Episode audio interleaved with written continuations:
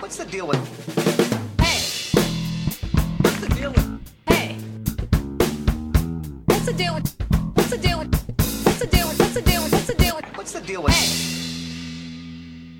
What's the deal with Super Metroid? Det er det vi skal diskutere i dagens episode av Retrospellauget. En spin-off-podkast fra Crossover Gaming. Med meg Ingar Takanove Hauge, og jeg skal ikke være alene denne gangen heller. Med meg har jeg to av våre fantastiske lyttere slash Discord-brukere slash eh, ja, Vi må vel kalle de venner, altså. Det, det er jo sånn det blir på denne discorden her. Eh, Og de har vært med før, men vi presenterer de likevel. Ta godt imot Espen Tveit. Hei, hei.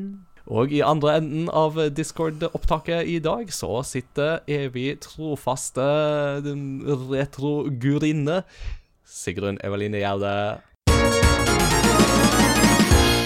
Hallo. All right. Dere er friske og fine og opplagte, hele gjengen. Ja, ja, ja.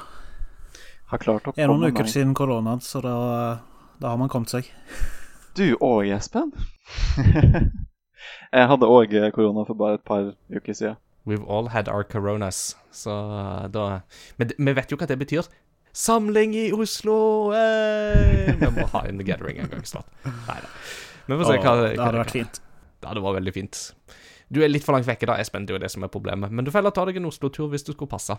Det... Ja, hvis, hvis vi gjør noe stort nok ut av det, så er det Da kan jeg eh, sette av tid til det. Alternativt så får jeg eventuelt si fra neste gang jeg er på Vestlandet, men jeg er liksom sjelden på dine kanter på Vestlandet, så da blir det liksom litt Mm. verre. Så yeah. Men ja, eh, sola titter fram. Det er Plutselig i dag så har det blitt vår i Oslo, så det er litt sånn eh, merkelig å skulle sitte inne og ta opp. Men altså, for gamere så er det spilleår hele året rundt. For det er jo sånn, på våren så er det allergier, så da sitter du inne og spiller dataspill. På sommeren så er det for varmt, så da sitter du inne og spiller dataspill. På høsten så er det bare vått og blåse og sånt, og storm, så da sitter du inne og spiller dataspill. Og på vinteren så er det kaldt og mørkt, så da sitter du inne og spiller dataspill. Så vi finner en unnskyldning uansett. Men vi er jo da samla først og fremst ikke for å snakke om nye dataspill, men eh, vi snakker om gamle dataspill i Retrospellauget, som er denne spin-offen vi har i Crossover Gaming. Der eh, har vi en egen underkategori i vår Discord-server. Den kan du bli med i hvis du går på crossovergaming.no, by the way. Og da blir vi alltid enige om et eh, retroprosjekt som vi skal spille gjennom. Og denne gangen, det første spillet i 2022 som vi ble enige om, det var Super Metroid. Så eh, det kan jo hende at det var Metroid Dread som eh, katalyserte det for mange av eh, våre lyttere. Nå vet jeg ikke om dere to stemte på Super Metroid, men hvis dere gjorde det, var det litt sånn Metroid Dread-feberen som på en måte Eller var det sånn at Metroid Dread hadde noe å si i den forbindelse? Uh, ja og nei. Uh, nå har jo jeg ennå ikke spilt Metroid eh, Dread, men det står i hylla og venter på meg. Eh, men det, det er jo klart at uh, Dread gjorde jo Metroid mer aktuelt. Men samtidig så er det et spill jeg lenge har hatt lyst til å spille. Så det, det var ikke vanskelig å gi min stemme til det. Nei? Mm. Sigrun, hvordan var det for deg? Nei, eh, det ble jo aktuelt for meg pga. Metroid Dread. Um, jeg lånte det hos deg, Hingar, og fikk eh, spilt gjennom det i jula. Så um, jeg var klar for eh, Super Metroid. Yeah. Store greier. Og sjøl så var ikke Super Metroid Det var ikke vanskelig å be på den. Jeg kan ikke huske om jeg stemte på det eller ikke. Det var kanskje jeg som foreslo det. Jeg husker ikke. Sånn er det i ettertiden etter korona. Hjernen er ikke engang det den en gang var. Og la meg ikke bare begynne å snakke om hvordan det blir når du har bikka 30. Så uh, it's, hard, it's hard getting old. I never asked for this. Det var ikke DO6 vi hadde spilt denne gangen. Det, det, får vi ta neste gang. oh, det glemte jeg å foreslå, men det får bli til neste gang vi skal avstemme. Eh, For ordens skyld da, så kan jeg jo si det allerede nå, at det neste spill ut, det blir Super Mario RPG, The Legend of the Seven Stars, på Super Nintendo. Så vi holder oss i Super Nintendo-hjørnet, eh, og det blir jo spennende å se når vi kommer til det. Så det er bare å følge med. Plutselig så dropper popper den innom en episode av eh, Retros- Retrospellauget om Super Mario RPG. Så det blir nok om noen ukers tid. Men vi skal snakke om Super Metroid. Og da er det jo alltid litt kjekt å ta noen korte introduksjoner eh, om eh, spillet vi har spilt, pluss en veldig kort gjennomgang av historien. Vi skal ikke ta veldig lang tid på det. Super Metroid ble lansert i Japan i 19. mars 1994. Det er egentlig ganske nøyaktig 28 år siden i morgen i forhold til når vi tar opp denne podkasten. Så det er jo artig. Eh, og i Europa så kom det 28. juli samme år, så det var 1994 som er året her. Men Super Metroid er da det tredje spillet i serien, eh, og ble regissert av Yoshio Sakamoto, som har liksom vært en av skaperne blant av eh, Og regissørene av Metroid-serien generelt gjennom hele dets lange liv.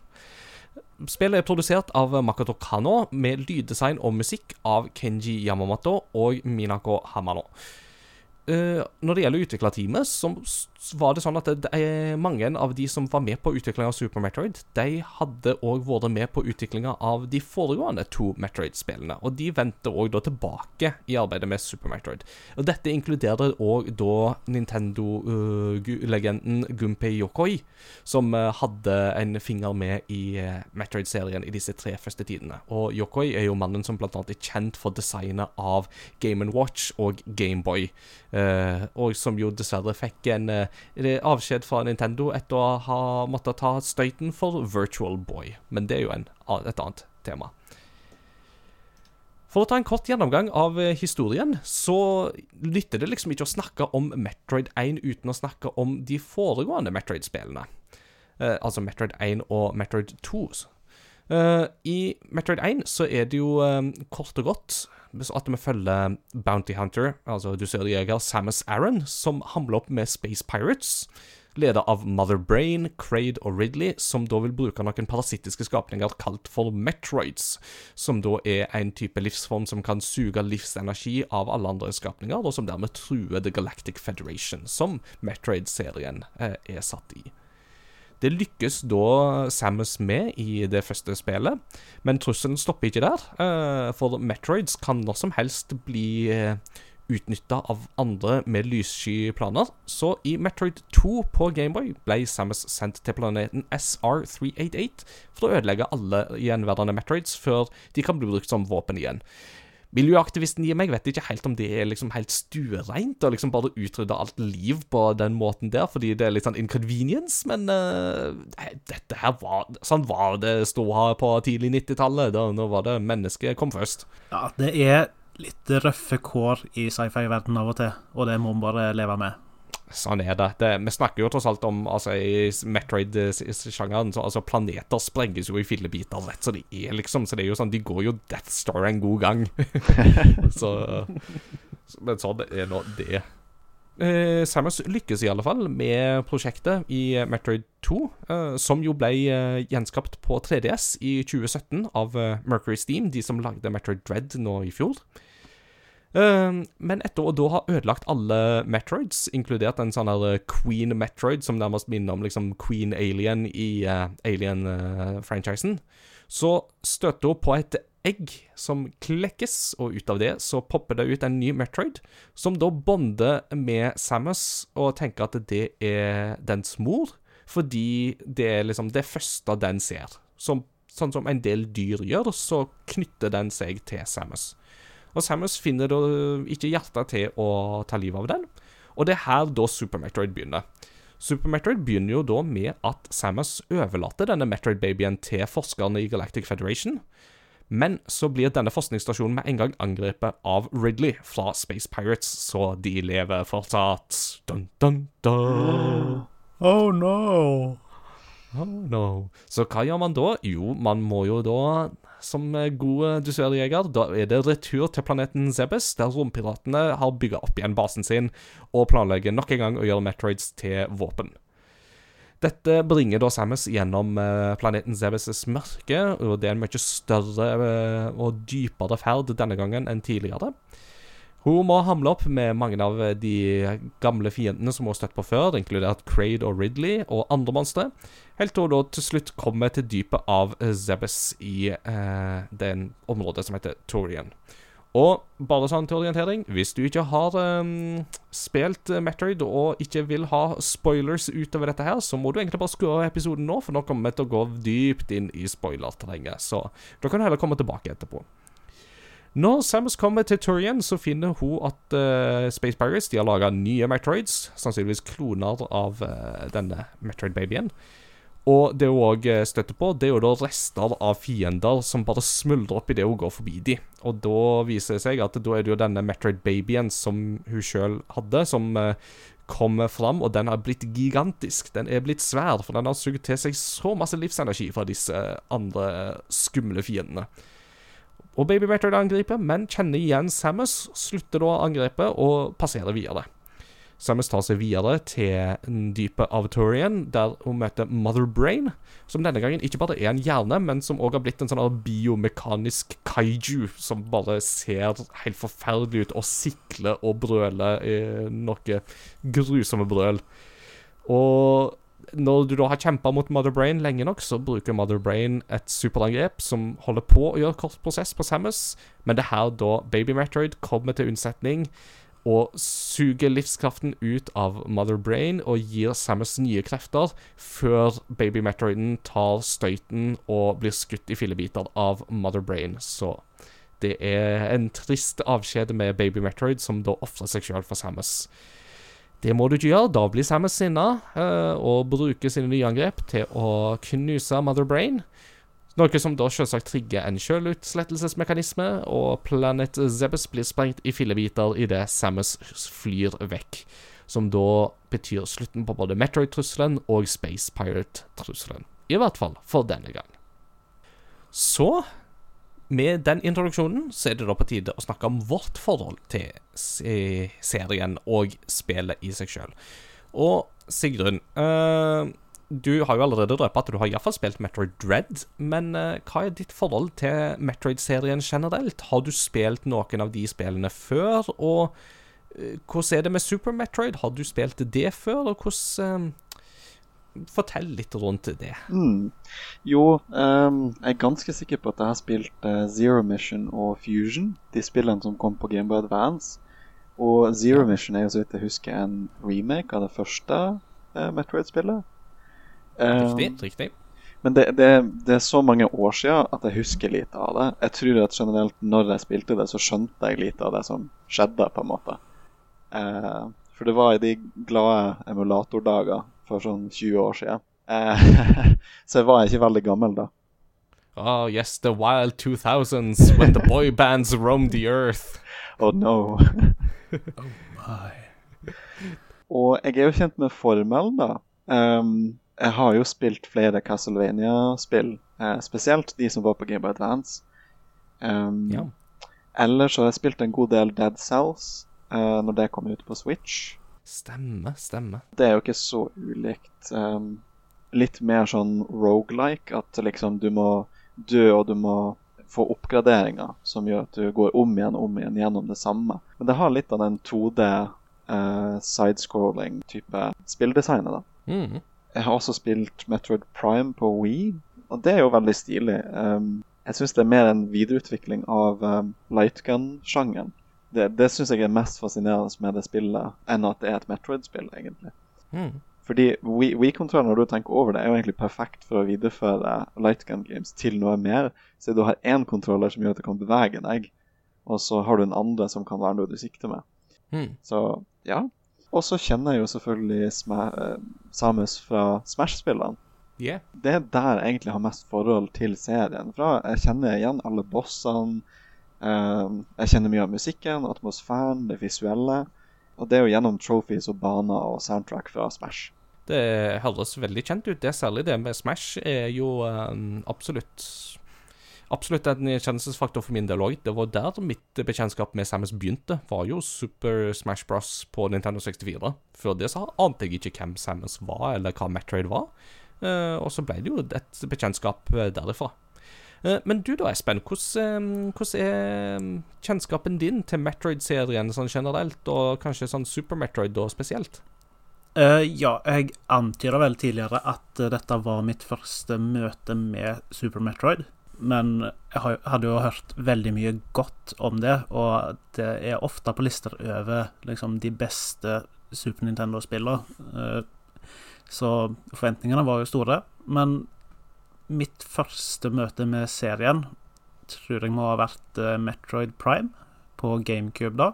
Og ja, det så jo på en måte ut som et skytespill, men så er det jo bygd opp på en helt annen måte, med fokus på skanning og utforsking i mye større grad enn hva du finner i et eh, Ja, la oss si for eksempel et James Bond-spill. Så, Mm. så er en serie som jeg har- vært litt borti.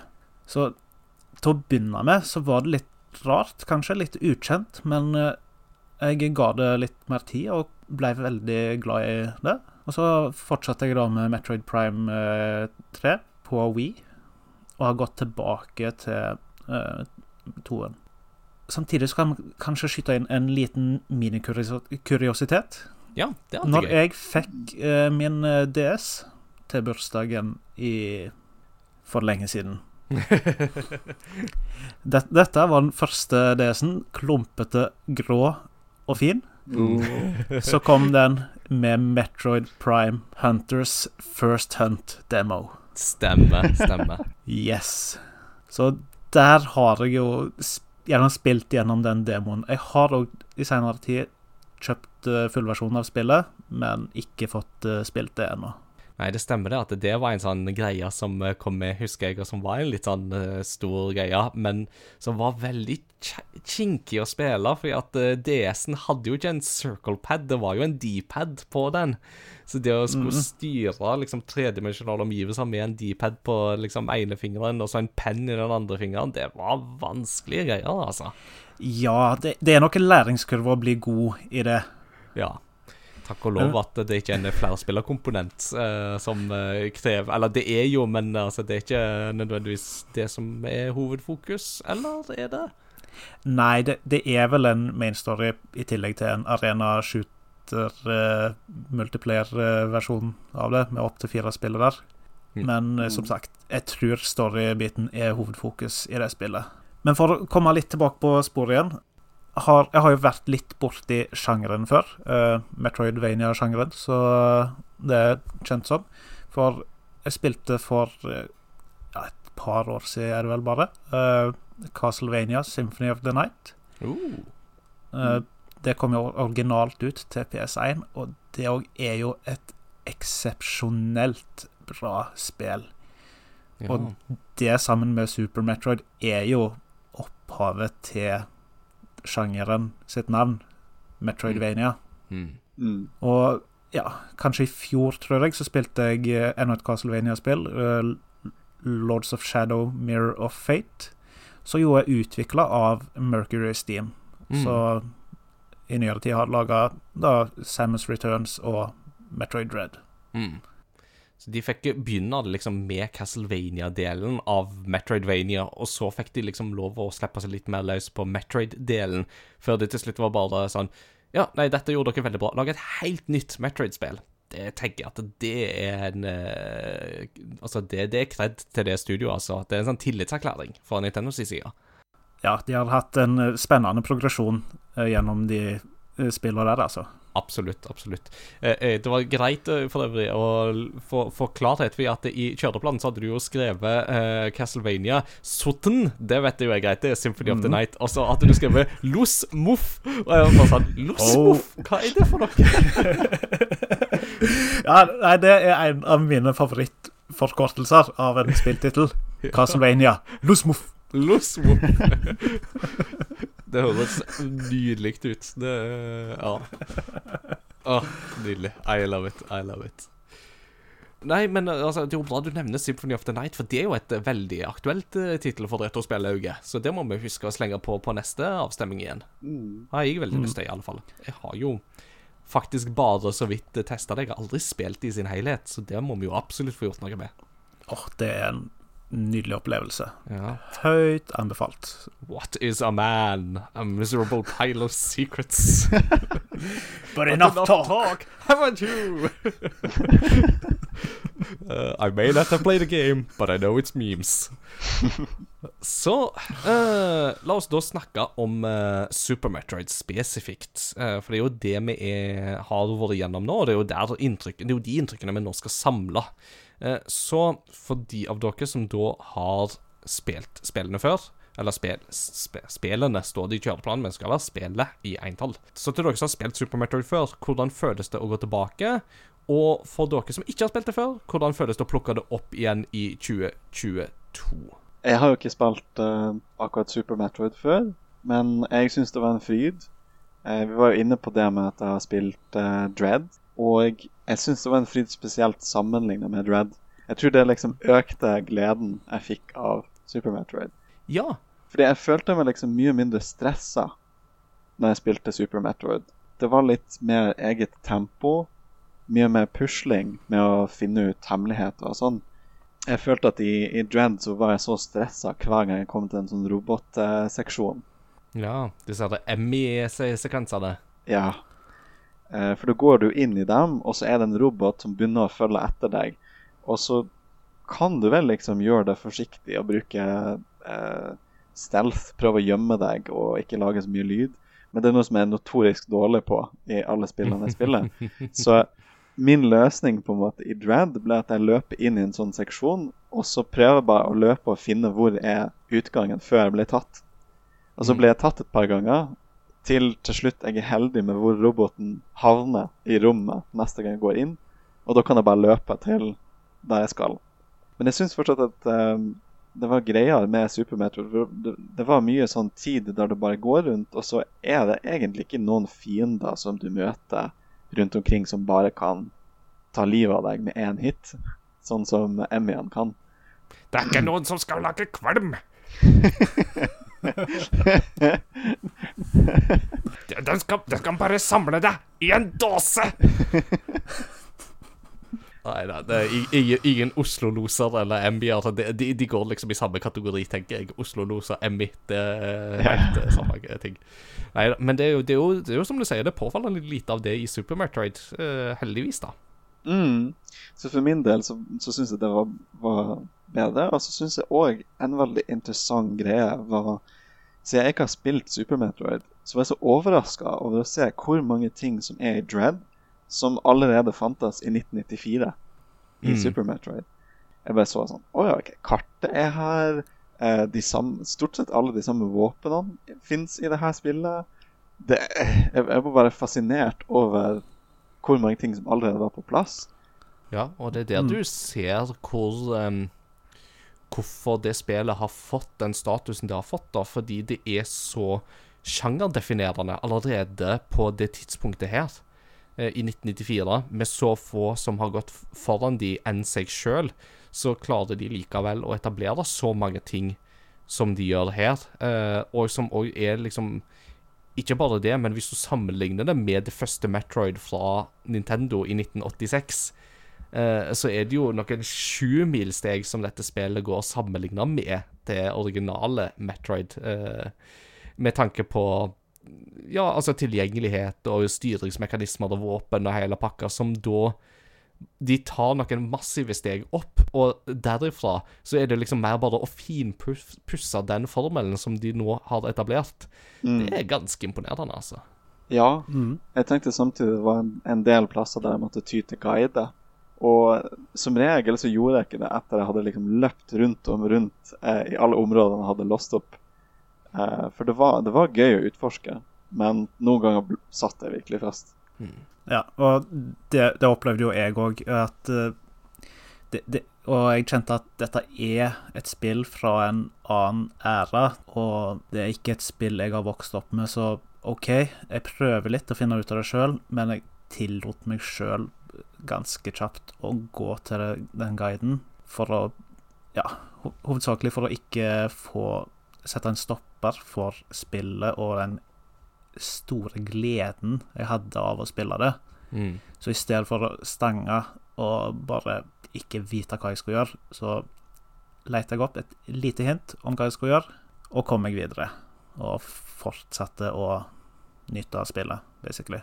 Ja, for det er noe med i dette spillet her, så er det jo klart at noe av den store gleden med dette spillet er jo nettopp det å utforske gradvis sjøl mer og mer, og komme fram på egen hånd til hvordan man skal løse de ulike oppgavene, hvor man skal gå for å komme seg videre, eh, hva slags triks man bruker for å komme seg videre, hva er det man eventuelt har oversett, har man gått er det en plass man kan gå tilbake nå, som man ikke kunne gå forbi tidligere?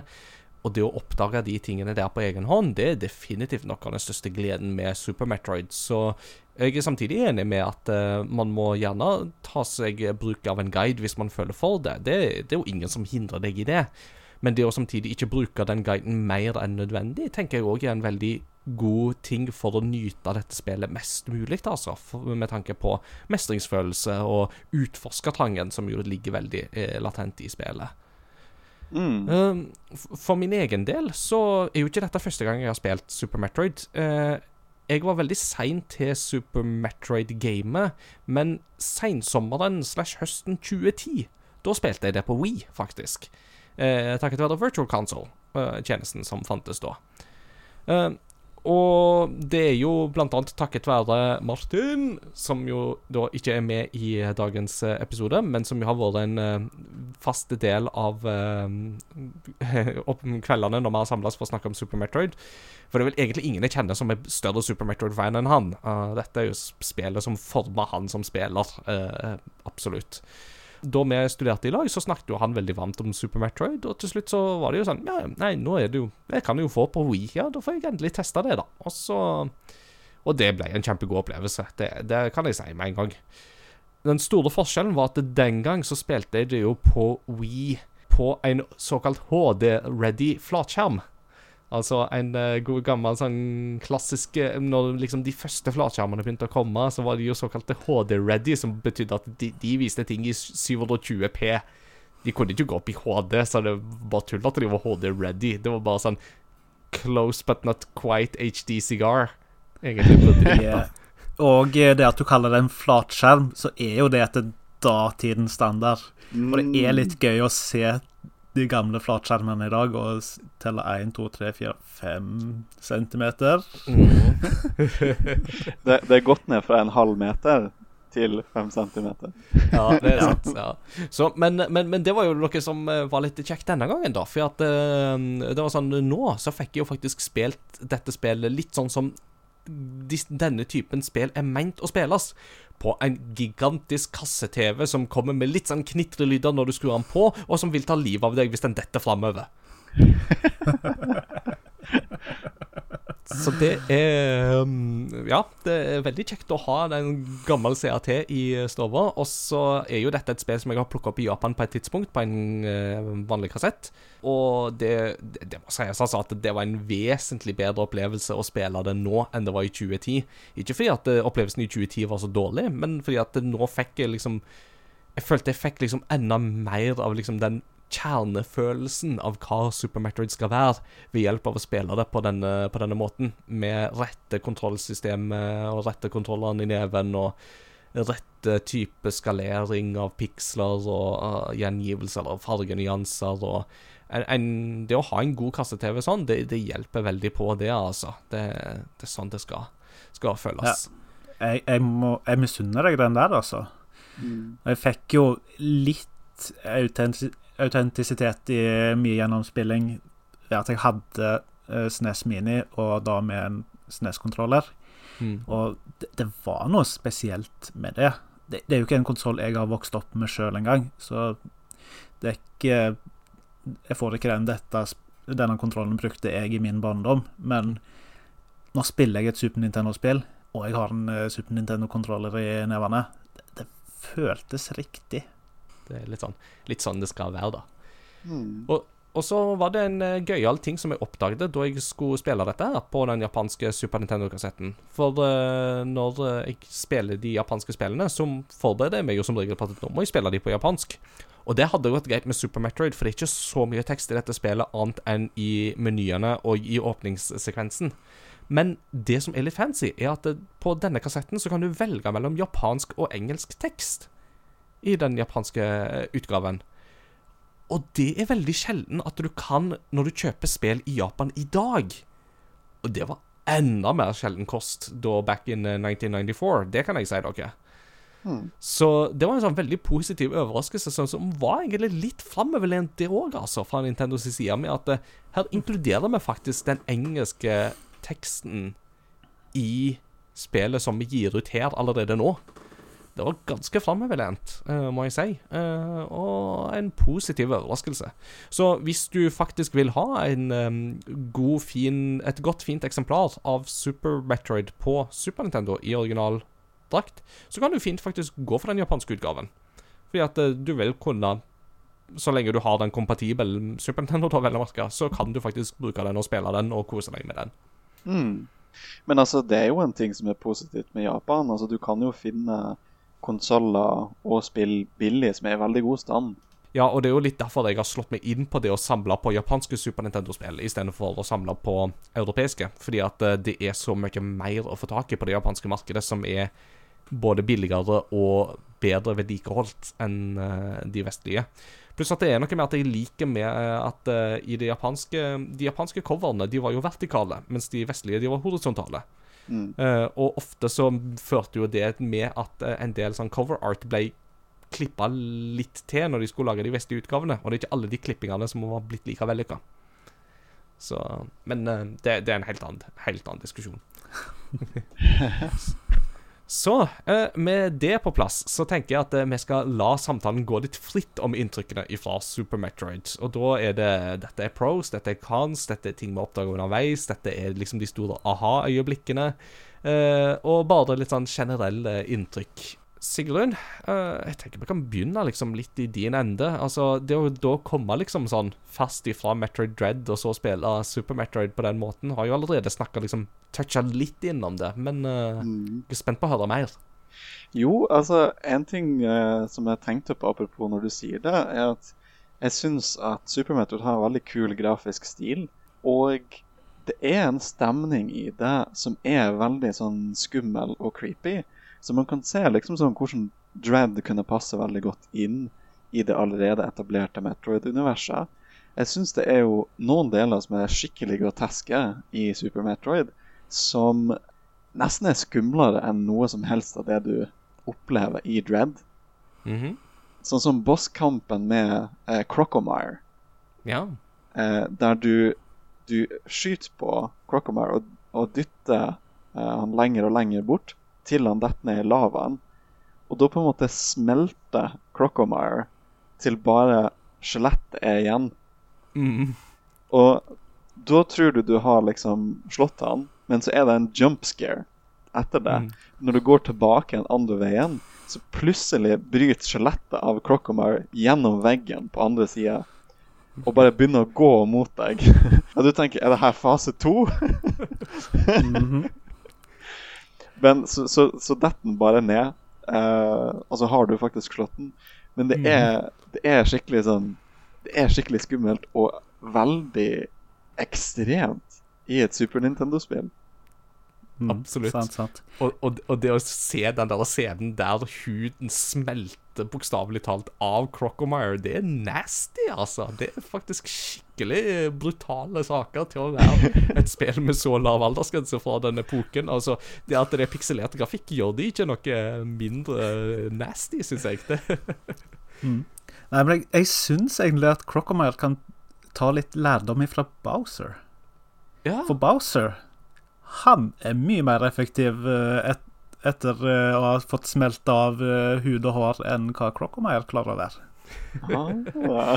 Al al al- altså, altså, altså, Bowser kan jo til og med kjøre Mario Kart i når han er liksom dry Bowser. Så altså He got better. But it's only a flesh wound. Crocomire, step up! En, en, Just fle scratch. en fle flesh wound hvis det fjerner all flesh. Ja, altså, det er jo et flesh wound bokstavelig talt. På en måte, Ja, ja. fordi at det er ingenting som spes... Altså, den, den- den, genitiven der, den er ikke veldig spesifikk. Og, og beinstrukturen ser helt perfekt ut fortsatt, så mhm. Ikke sant? Det, det hadde vært en interessant uh, kart-spin-off med Metroid Karts. Det hadde vært Ja, da. Eh, Nintendo, hvis dere hører på, dere får den ideen gratis. Jeg skal ikke jeg skal, Dere skal ha den. Mm. Men ja, altså, jeg syns jo det er spennende, som du sier der, fordi en ting som jeg tenker veldig på når vi spiller Metroid, eh, Super Metroid, er jo det, den, den stemninga. Altså, det er et veldig stemningsfullt spill. Og samtidig som at det er en sånn nifs, guffen science fiction-stemning over det hele, så er det aldri skummelt likevel. Det er ikke sånn at det, jeg kvier meg for å spille dette spillet eller å gå videre, uh, selv om du får liksom den ene sekvens der med Crocomire, ja, men altså, i det store og det hele så er det bare på en måte med at det er en sånn nifs, guffen stemning. Og det er en sånn ting som jeg liker. Når liksom dette, det er på en måte space, det er farlig, det er mørkt, det er litt sånn Ting vil ta livet av deg. Uh, jeg liker den følelsen, altså. Mm. Du, du blir jo plassert i en eh, verden så OK, det er samme verden som i det første Metroid-spillet, så litt kjente elementer er det, men samtidig så er det dette med å trø inn i noe så, i hvert fall for meg, uh, opplevdes som en ny og ukjent verden, og med ulike eh, biomes, så man eh, går gjennom. Det er lava i områder, det er mer jungelaktig, kanskje, og du vet liksom aldri hva som venter gjennom neste dør. Og det er liksom alltid noe, som du sier, plutselig er det noe som vil drepe deg. Plutselig er det et eh, langt fall. Du, du vet aldri hva, hva du møter. Nei, ikke Mm. Jeg syns også det bidrar til liksom den utforskningsgleden som man får i det spillet. For det, det, det som du sier, Inga, det er ikke liksom skummelt. Det er ikke som om du går til neste skjerm og så er du på en måte redd for hva som er der. Men det er en slags sånn spennende stemning, samtidig som du prøver å finne uh, veier både opp og ned og venstre og høyre. Mm. Og så blir du jo så klart mer kjent med verden. Det er jo et eh, kjent element i eh, sjangeren at eh, du til å begynne med er jo verden fremmed, men så bruker du noen timer i denne verden, og du blir liksom kjent. Du vet hvordan verden henger sammen, og hvordan du kan komme deg dit. Det fins ulike veier, og du tenker litt over ja, hva- er hva er kjappest vei. Så det du har denne utforskerfølelsen, og det føles godt å bare tilbringe tid her og bli kjent med verden. Mm. Mm. Jeg tenker jo en annen ting som hjelper veldig godt på det, er, er musikken. Ja. Eh, som er både variert og, eh, og mer tilstedeværende enn det jeg merker fra Dread. Mm. Det er mye variasjon i det. Jeg syns det var noe av det som virka som om det var en hiphop-beat. Mm. Det var noe av det som virka veldig sci-fi, litt sånn creepy. Og så er det jo en av sangene som jeg liker veldig godt, den som er tema til Brinstar. Mm. Den begynner med noe som høres veldig ut som Crash Bandicoot for meg. Og så er det Her er det jo liksom hodet mitt som tolker det her feil. Fordi det er noe som har kommet ut senere, som jeg har spilt før jeg har spilt Super Metroid. Men eh, jeg tenkte på eh, en del av Dragon Ball-spillene på Gameboy Advance. Ah. Som da har brukt samme liksom synth- og midi-instrumenter eh, som, eh, som de har brukt på Super Nintendo. Eh, Så da kjenner jeg igjen noen av de her instrumentene ganske tydelig fra det. Det er kult, da. Uh, og, og det bringer meg jo på et punkt som er veldig gøy å snakke om, og det er jo det generelle lyddesignet i spillet. Fordi Kenji Yamamoto, som er hovedkomponisten bak Super Metroid, er jo òg lydprogrammør og lyddesigner for spillet. Så han har jo i utgangspunktet en hånd med i absolutt hele det aud... Altså audiobildet i, i, i dette spillet har jo han en finger med i, og kan tilnærme seg det ut fra forskjellige perspektiv og programmere det sånn som han sjøl ville det, og dermed skape sånn helhetlig, et helhetlig lydbilde. Og det er ganske sjelden kost. Uh, selv på den tida der så var det sjelden kost, og i dag så vil du jo i alle fall ikke ha det på det nivået der. Og det skaper en he- helt særegen lyd i Super Metroid som ingen Metroid-spill som jeg kan huske, har klart å gjenskape i samme grad som det Super Metroid gjør. Rett og slett fordi at det er virkelig noe særegent her eh, med, med det. Og men, og sånn som du sier, musikken er mye mer tilstedeværende her, syns jeg, på alle måter. Og er det jo ett område som jeg jo er kjempeglad i, så er det jo liksom Lower Depths of Brinstar, som har et sånt tema som jeg bare kan høre på i timevis, nesten i strekk, fordi det er så liksom stemningsfullt og chill og har en sånn progresjon som er eksepsjonelt god eh, i min bok. Jeg likte lydbildet i Metroid Dread, men det var fortsatt litt sånn det, det var ikke i nærheten av å ha den samme helhetlige filen som de fikk da jeg spilte Super Metroid igjen nå. I den forbindelse så kan vi jo òg gjenta den funfacten fun facten som vi jo hadde som kuriositet eh, nylig i hovedpodkasten, nemlig det at en del av disse her bossene har jo brøl som er inspirert av kaijuer fra Godzilla-filmer. Eh, Ja. Så det er litt artig. Eh, at sånn som Mother Brain for eksempel har samme skriket som Mothra fra eh, Godzilla-filmene. Eh, og eh, ja, en del av disse andre òg. det, det er noen sånne kaiju-brøl som går igjen. Som er ja, det, det passer egentlig, for mange av de ser jo egentlig som om de kunne vært snytt ut av en eller annen eh, Godzilla-monsterfilm av et eller annet slag. Så jeg syns det passer. Mm, absolutt. Mm. Jeg syns også det med bossene er et ganske godt eksempel. Um, sånn I forhold til Dread så syns jeg Jeg synes at noen av bossene var litt for vanskelige, og at enkelte av dem hadde mekanikker der var måte, det var noe du måtte vente på skulle skje før du kunne gjøre noe. Mens det føles litt mer rett fram i Super Metroid. De er en utfordring, men de fleste av dem dropper altså eh, liv og eh, ammunisjon. Så det er måter man kan være taktisk på også, mens man slåss mot dem. Man må ikke ha fullt liv når du går inn og tar en boss. Så hvis du bare vet hva du gjør og hvordan du kan få mer liv, så kan det gå bra. Men eh, det er jo noen tungvinte mekanikker. Oh yes. Så spesielt walljumpen. Ja. Den, den er Den har blitt bedre og lettere i nyere tid. Mm. Jeg må bare tro på dere, men i Super Metroid så åh, Det er den tingen i spillet jeg liker minst av Mm. alt i hele spillet. Walljumping, jeg hater det, altså. Og det sånn Hadde Martin vært med oss nå, så hadde han forklart oss i 15 minutter hvordan det egentlig er veldig lett. Du må bare time det skikkelig. Men altså, Ma Ma Martin, vi har prøvd, vi har prøvd, vi har prøvd. Vi har prøvd, vi har prøvd. Det Ja. er ikke lett! Det er ikke del, lett. det fins en teknikk der, men Nei, jeg, jeg hater det. Men kontrollsystemet ellers elsker jeg. Ja. Jeg elsker å bevege meg rundt i denne verden så lenge jeg slipper å hoppe av en vegg. This is the way. This is the way.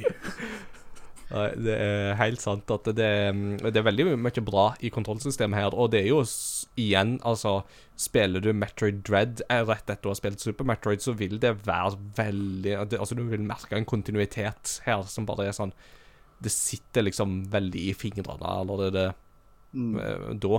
Eller, eller fortsatt den dag i dag. Og en ting som jeg òg syns er litt imponerende, er jo det at du faktisk kan remappe kontrollsystemet i Super Metroid eh, ganske fritt. Det I er det ikke 1994. Igjen i 1994 på en Super Nintendo. Det er ikke hverdagskost, det, altså. Så um, det, det, det skal de ha. Det er kjempeimponerende. Mm. Eh, dere snakker jo om å gå fra med, uh, Super Metroid til Dread, og, uh, og motsatt. Men for min del så ble denne opplevelsen å gå fra Super Metroid Og jeg var så gira at jeg bare måtte videre, så jeg uh, lasta jo ned Zero Mission. Ja. Gameboy Advance-spill, og ja, lasta ned på Wii U, så jeg fikk fortsette å spille med Super Nintendo-kontrolleren. ja.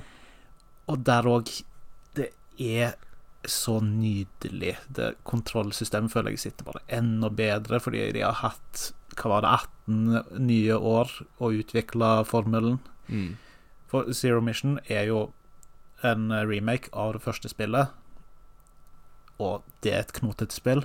Mhm. Men når du tar alt de lærte fra Super Metroid, 18 år med, med eventuell ny teknologi, ny utvinning, og putter det på det spillet, det blir et så fantastisk spill.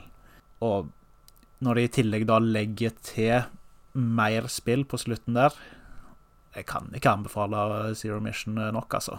Mm, jeg har fått veldig lyst til å spille det. Det er jo faktisk det Metroid-spillet jeg ikke har spilt av liksom den der 2D-sjangeren. Så har jeg jo ikke spilt Zero Mission. Men jeg har en japansk utgave, og jeg har jo en analog pocket som eh, skriker etter å bli brukt. Så jeg ser jo for meg et uh, forenlig vennskap eh, mellom de to der, kanskje i påskeferien. Som eh, ah, det, det, det frister veldig, altså. Det, det gjør det. Og som du sier, altså det første Metroid var et spill som sårt trengte en oppgradering. Eh, det er jo et spill som f.eks. ikke har kart i utgangspunktet. Og det var sånn Det å spille en Metroidvania uten et brukbart kart, det er Det er hårda bud, altså. Da skal du Ja. sitte og tegne ganske detaljert. Mm. Jeg har jo òg gått videre til Metroid 2 ja. for å prøve å unngå å kaste 300-400 kroner på uh, Samus Returns. Men fravær av kartet, det, det gjør vondt. ja. Men, men likevel, bare det lille hoppet fra første Metroid til Metroid 2 på Gameboy det, det føles veldig smooth, og det er så mye bedre enn hva jeg hadde forventa av et Gameboy-spill, oppfølgeren til det knotete Metroid. Ja. Og det, det er interessant det med Metroid 2, det som du sier, at det, der ser du noe av eh, magien til Gunpei Yoko i praksis, tror jo jeg. Er jo nettopp det at når skaperen av Gameboy sjøl er med på å designe og utvikle ett spill til Gameboy, så er det sånn du, du kan jo knapt få noen med større kjennskap til konsollen og dens muligheter og begrensninger enn det den mannen hadde. Eh, så det er en fascinerende skue, og det at det, det var et spill som kjørte så bra og effektivt som det gjorde, det var imponerende, altså. Men jeg er samtidig kjempeglad for at vi fikk den 3DS-remaken som vi fikk, som jeg koste meg veldig med da den kom i 2017, altså. Det var eh, en solid opplevelse. Eh, og igjen, altså, Mercury Steam de, de har en sånn respekt for kildematerialet, samtidig som at de viderefører det. Som jeg, de har en balanse der som jeg syns er knakende god, så jeg håper jeg, jeg gleder meg allerede til hva de gjør neste gang. Altså Jeg er så spent på hva Mercury Steam gjør nå. Det er kjempespennende. Ja.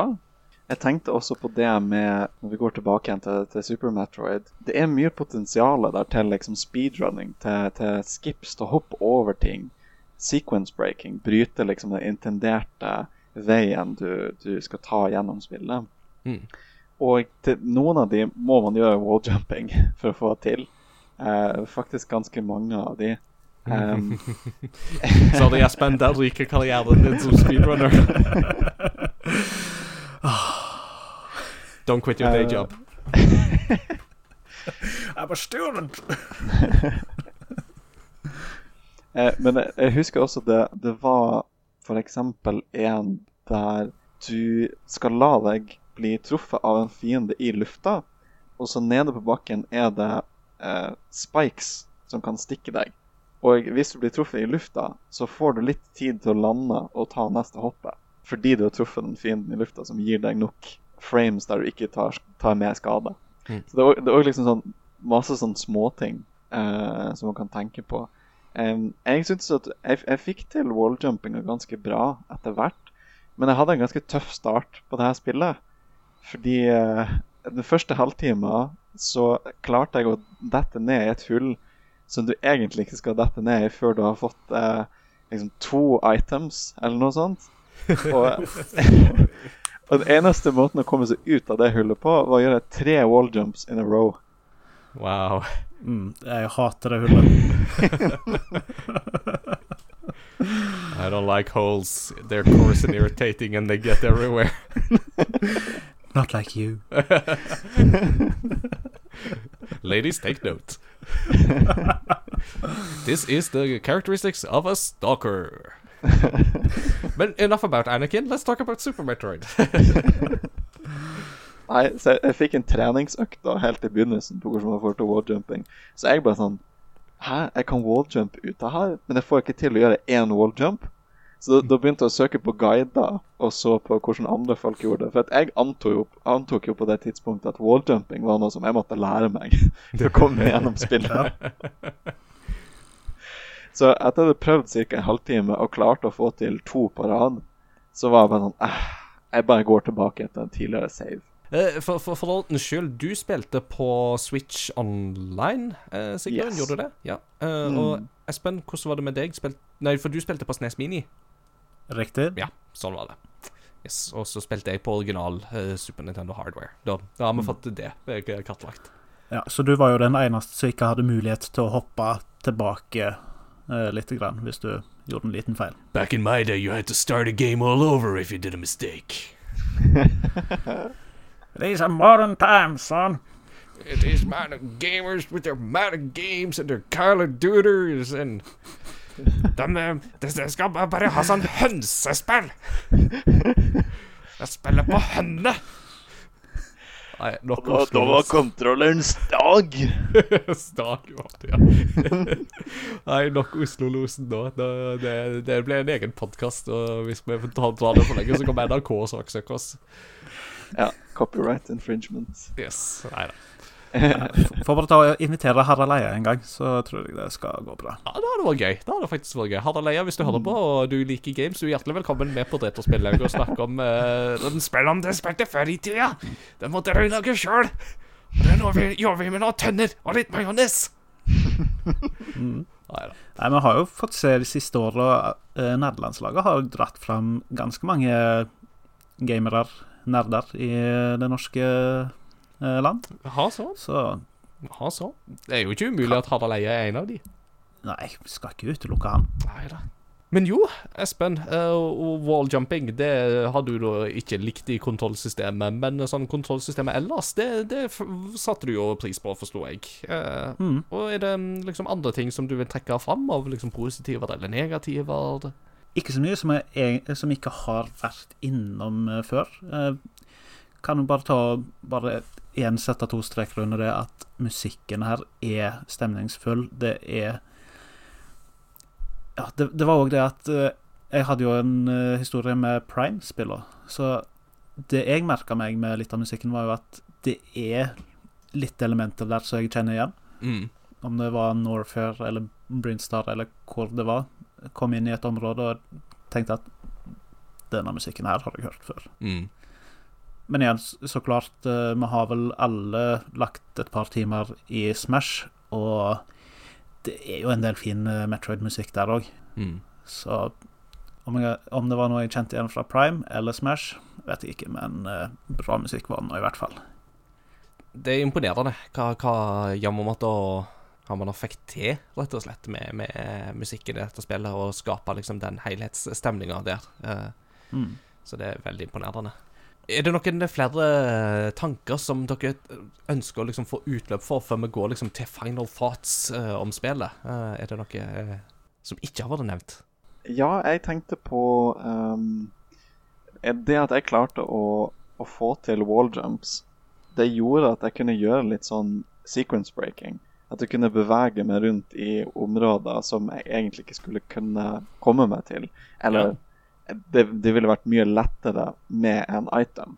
Med å få et nytt våpen eller sånn. Det er både en positiv og en negativ ting. For dette gjorde at jeg følte liksom sånn Oi, wow, jeg klarer å komme meg opp her. Eh, så kult. Men samtidig så kom det jo det som regel til slutt til et punkt der du måtte ha en item for å komme deg videre. Og da var jeg virkelig lost. For da hadde jeg liksom hoppa meg ut av området jeg var i. Så måtte jeg gå hele veien tilbake igjen. Ja. Eh, så både positive og negative med at det er et spill som man lett kan hoppe ut av rekkefølgen med. En ting som jeg eh, tenkte òg er litt sånn gøy å snakke om, fordi at eh, særlig da hvis du ser liksom i lys av de foregående spillene, og ser utviklinga. Eh, og det er jo noe med størrelsesaspektet her. Eh, og da tenker jeg jo særlig på sånn som for eksempel når du slåss imot Kraid, en av disse bossene. Eh, hvis du ser bosskampen mot Kraid i det originale Metroid på Nes, så er han en liten tass. Altså Han er liksom på størrelse med liksom Bowser fra det originale Super Mario Bros. Ikke sant? Som jo er liksom sånn de, de, de er sånn omtrentlig samme størrelse der Mario og Bowser. Altså Dere ser det for dere hvis dere har spilt det originale Super, uh, Super Mario Bros. Og det er liksom litt sånn det samme størrelsesforholdet mellom Samus og Kraid i det originale Metroid òg. Så når du da eh, skal inn og i bosskampen mot Kraid, så møter du først en sånn liten skapning, eh, og så skyter du på den og bare sånn ah, 'Det er Kraid', vil du gjerne tro hvis du har kjennskap til originale Metroid. Men så er den jo griselett å ta, og så ser du at gangen bare fortsetter bortover. Og så kommer du inn i et nytt rom, og så ser du liksom et svært monster som tar opp hele skjermen. Og så ser du å ja, det er det som er Kraden. Å, du har blitt stor siden sist. Og så skyter du på han, og så bryter han gjennom taket, og så blir han plutselig to etasjer høy, og da er det bare sånn Oi, du er svær. Hva er det du har spist siden sist? You're such a big boy now. og det at Og det var litt-. Og det var litt morsomt når det var min første skikkelige introduksjon for Kraid. For så å gå tilbake til å se litt speedruns av Metroid-spill, og se speedrun av det første Metroid-spillet. ja. Og jeg må innrømme at jeg ikke skjønte at det var Kraid. Ikke sant? uh, og litt sant det samme med Ridley òg. Har liksom litt av det samme aspektet, men det særlig med Kraid så er det veldig merkbart. For at Kraid er plutselig blitt to skjermer stor. Eh, Altså, han er blitt et svært beist. Eh, og det er noe med liksom eh, Viser jo på en måte noe av de hestekreftene de hadde å leke seg med på en Super Nintendo, sammenligna med originale Nintendo. Altså 80-tallet mot 90-tallet her. Altså at det var et stort sprang mellom de to konsollene der, og at eh, når du visste hva du liksom skulle gjøre da, for å på en måte utnytte um, verktøyene til det fulle, så kunne du få ganske mye ut av en Super Nintendo-kassett. Så det var eh, faktisk eh, det, Igjen, altså, det er sånne ting som er sånn Går du tilbake nå, så tenker du ikke så mye over det, men ser du på det liksom ifra fra 80-tallets øyne og inn i 90-tallet, så er dette litt sånn grensesprengende um, aspekter som er imponerende å, å notere seg, da. Mm. Jeg tenker Siden vi er inne på det med liksom store monstre, kaijuer Mm. eh, Kunne det vært en idé til Metroid Prime 4? At vi tar litt inspirasjon fra Shadow of the Colossus?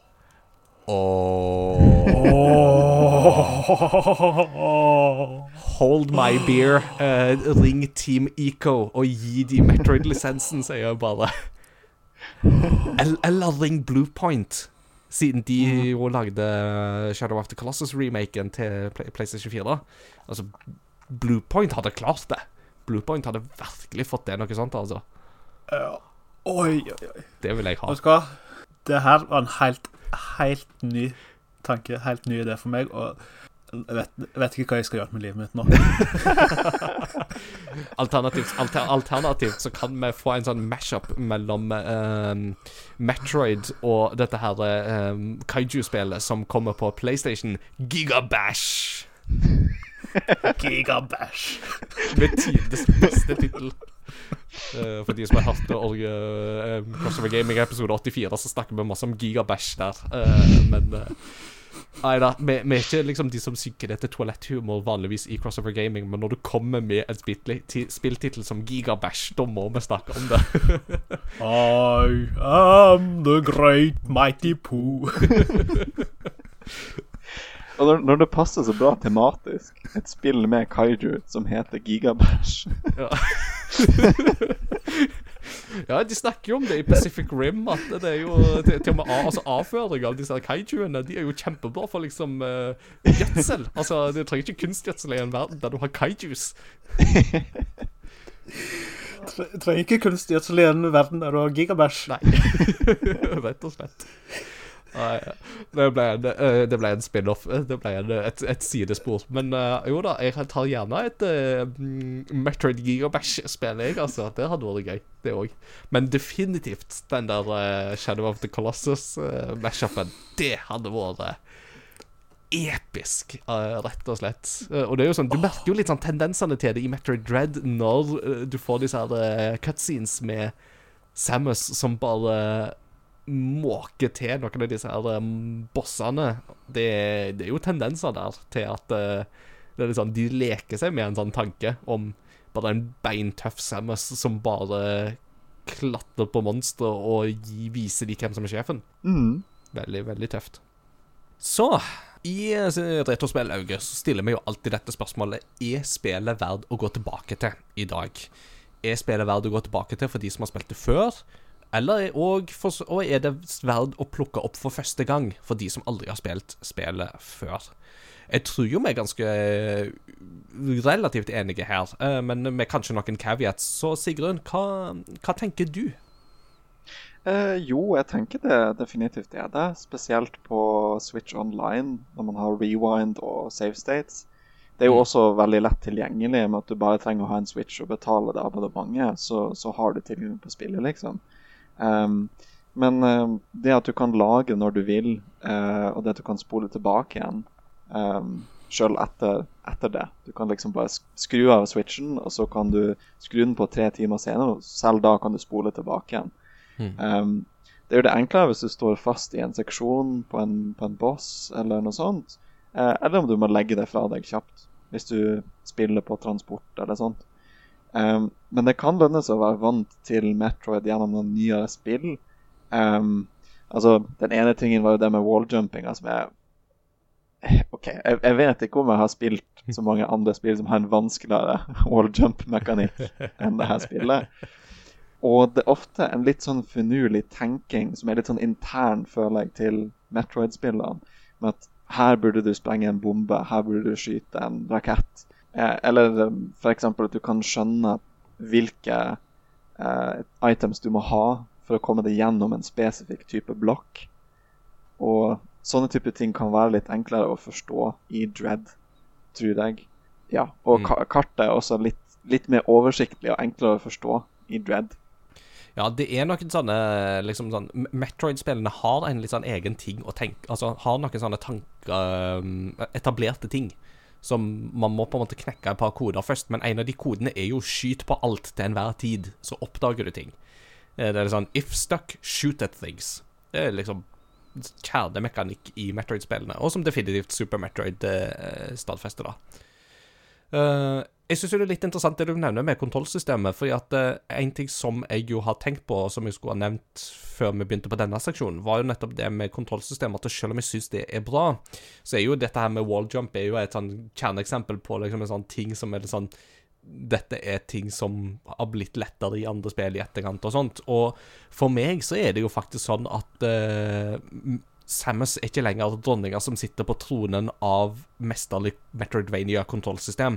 For den tronen er det Ori som har tatt over for meg. Eh, særlig da med Ori and the Will of the Wisp, som har et tilnærmet perfekt kontrollsystem.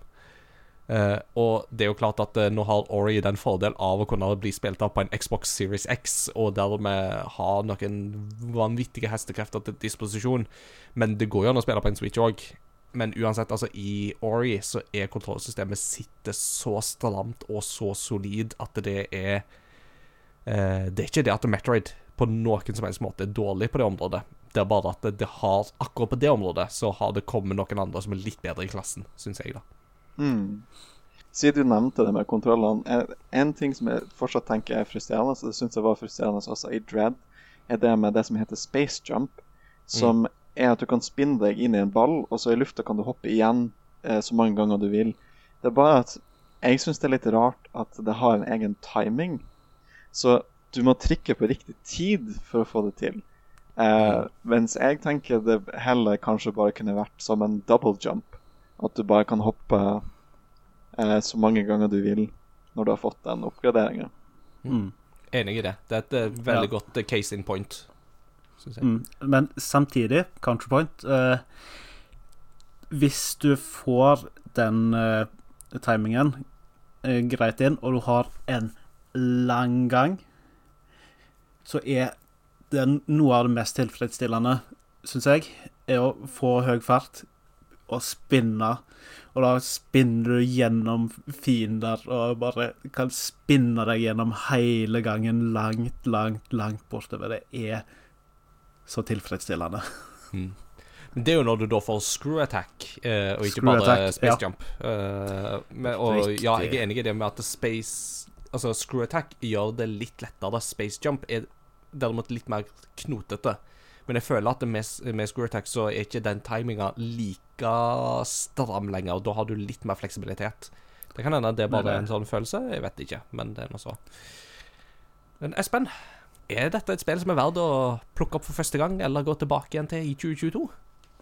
absolutt, vil jeg si. Mm. Det er jo mitt første møte med spillet, og jeg hadde jo hørt veldig mye bra, som sagt, så baren den var satt veldig høyt, men spillet leverte over den eh, skyhøye baren, og eh, det er et stykke spillhistorie, vil jeg si. Mm. Men samtidig så vil jeg kanskje òg anbefale Metroid Zero Mission. Kanskje det er et uh, greiere sted å begynne. Mm. For der har du som sagt det, det er et nyere spill og bygger på en del av de elementene som er i Super Metroid. Og det er kanskje enda deiligere movement i Zero Mission. Mm. Så jeg anbefaler Super Metroid veldig uh, høyt. Også Zero Mission enda litt høyere. En uh, god statement å avslutte på, det tenker jeg. Det, min anbefaling er jo soleklar. Eh, det, dette, er, dette er noe av det beste Super Nintendo har å by på, for meg, altså. Og jeg kan skjønne at eh, det kan være litt kinkig å gå tilbake til hvis man har vent seg veldig til nyere Metroidvanias, men det er samtidig noe med å se hvor mye av Metroidvania som sjanger som blir etablert her, som jeg tenker er uvurderlig. Og bare soundtracket og stemninga i seg sjøl er jo verdt det for meg. Eh, og jeg syns jo at uh, opplevelsen nå ble enda bedre enn da jeg spilte det for første gang. Uh, selv om jeg huska en del ting, så var det masse jeg hadde glemt òg. Og det var absolutt en glede å gå tilbake og spille dette her. Så det kan, det kan jeg varmt uh, anbefale. Vi må jo avslutte med et postludium, sånn som vi jo alltid gjør i eh, disse episodene våre. Og det er jo veldig mye bra musikk å trekke ut ifra Super Metroid, men jeg vet ikke om dere har eh, Om det er noen av dere som har et sånn spesifikt eh, moment som dere ønsker å trekke fram ifra Super Metroid, eller om eh, programlederen bare skal velge noe. Jeg liker iallfall veldig godt um, eh, Brinstar The Jungle Floor. Ja. Som er den, den ene Den andre av Brinstar-låtene. Ja, nei, Kan stille meg bak den, altså. Ja. Absolutt. Ja. Nei, jeg tenkte jo mm, Vi kunne for å f.eks. ta den. Eh, alternativt så tenkte jeg jo bare det åpningstemaet som du jo får etter liksom den der eh, Eksempelet på stemmeskuespill i et Super Nintendo-spill, bare det òg er jo ekstremt imponerende med The Last Metroid is in captivity. The galaxy is at peace. Og så får du den Det er òg Men folk får sjekke det ut hvis de er nysgjerrige. Men jo, Brinstar, Jungle Floor, det er en lett og ledig tone som man kanskje ikke skulle forvente fra et uh, Metroid-spill, men som absolutt viser noe av lydmulighetene i, uh, i Super, eh, Super Nintendo-chipen og Super Metroid som helhet. Mm. Flott. Da vil jeg ønske dere tusen takk for at dere var med på denne episoden. Takk for at dere tok dere tid til å lufte litt tanker og erfaringer rundt det vi har spilt nå i det siste.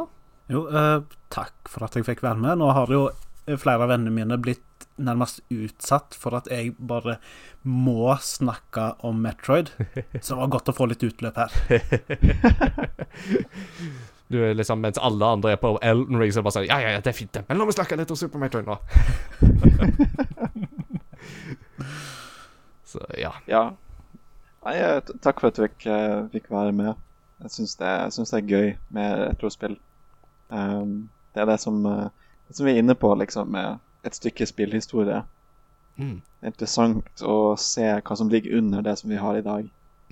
definitivt. Så eh, neste spill ut blir jo da som sagt Super Mario RPG, og på Super Nintendo. Så de som vil være med oss på disse samlingene, de kan eh, finne Discord-serveren vår på crossovergaming.no. Eh, og så er det da samlinger onsdag kveld klokka ni blir det med, når vi nå skal spille eh, Super Mario RPG. Så det er bare å slenge seg på hvis eh, det er noe dere er nysgjerrige på. Hvis ikke så kan dere høre episoden eh, om noen ukers tid, når vi har spilt igjennom og får samla noen tanker. Det tror jeg blir første gang vi skal spille et spill som jeg ikke har spilt før. Så det er jeg veldig gira på. Takk for eh, at dere hørte på, og vi snakkes ved neste korsvei. Ha det! Ha det bra! Ha det bra! Super Metroid Gigabash. Ha ha ha ha ha!